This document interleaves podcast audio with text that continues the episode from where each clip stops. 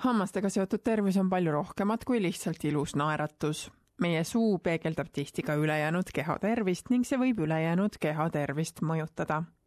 hambaravi on Austraalias kallis, kuid on olemas viise, kuidas selle maksumust vähendada Austraalial on mõnel inimesel võimalik riiklikku hambaraviteenust külastada, kuid enamik elanikkonnast peab piirduma erapraksisega. sellised patsiendid maksavad omaendi taskutest ning mõnikord aitab neid eratervisekindlustus. doktor Deborah Cole, kes on Victoria osariigi hambaraviteenuste tegevdirektor, mis on riiklik suutervishoiuagentuur, selgitab, et Medicare ei kata peamisi hambaraviteenuseid, nagu seda on hammaste puhastus, kontroll ning hambaplommid virtually nothing's covered by Medicare. There are very, very few things. It's really, Medicare would cover things where you might be um, actually admitted into hospital for some sort of pathology, so that would be covered.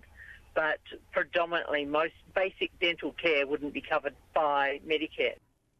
Medicare rahastab ainult mõnda sellist hambaraviteenust, mis on vajalik, et teie üldist tervist kaitsta. hambaraviteenuste hinnad Austraalias sõltuvad palju sellest, millist hambaarsti te kasutate ning kus te elate.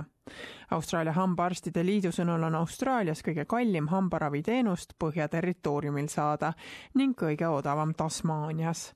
tavaline hammaste ülevaatus, mille hulka kuulub puhastus ja fluoriidiravi, ei tohiks üle kahesaja dollari maksma minna kui te valite endale hambaarsti, tarbijakaitseorganisatsiooni Choice eestkõneleja Tom Godfrey soovitab, et te siis uuriks enne vastuvõtu broneerimist erinevate teenuste pakkujate hindu So if you don't have insurance, um, the costs can vary wildly uh, from dentist to dentist. So it's important that if you are on a budget, ask your dentist um, to explain to you the costs before they commit to the procedure, and that way it'll be easier for you to budget.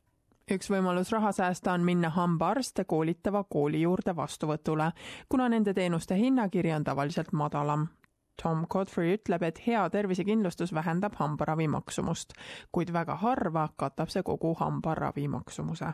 You need to remember that on average, private health insurance customers claim back only around half of the dental fees. So even though you take out um, what we see as a form of budgeting tool uh, within the extras policy for dental cover, you will still have out of pocket expenses kuid Tom Godfrey rõhutab, et lisateenuste eest maksmine tasub ainult siis ära, kui te plaanite seda kasutada mitmete erinevate teenuste puhul nagu silmaarsti, füsioterapeudi ning jalaarsti vastuvõttude eest tasumiseks. ta ütleb, et need inimesed, kes otsivad lisakindlustust vaid oma hambaraviteenuste arvete maksmiseks, peaksid lihtsalt pigem oma taskust selle eest maksma kuigi hambaravi võib täiskasvanutele kallis olla, siis on see lastele odavam.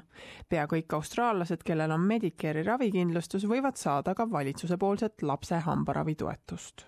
All children until they um, they're 17, so before they turn 18, are actually eligible for care if they fit within a certain family tax benefit. But most people that would come in would fit into that category lapsevanemad saavad selle toetuse raames tuhandeid dollareid väärt hambaravi, mida nad võivad kahe aasta jooksul laste hammaste raviks kasutada. Deborah Cole ütleb, et riiklik hambaravi on saadaval vaid väiksele osale rahvastikust.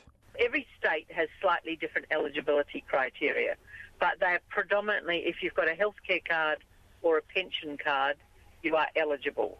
In Victoria, they also go if you're a refugee and asylum seeker, we will provide you with care as well.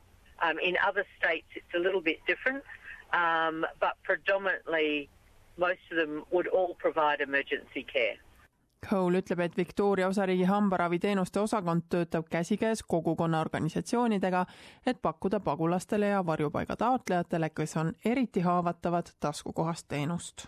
It's very important because a lot of um, a lot of people that have been refugees or asylum seekers have often been dislocated from their original home for quite long periods of time, quite often, um, and they've had you know often poor nutrition.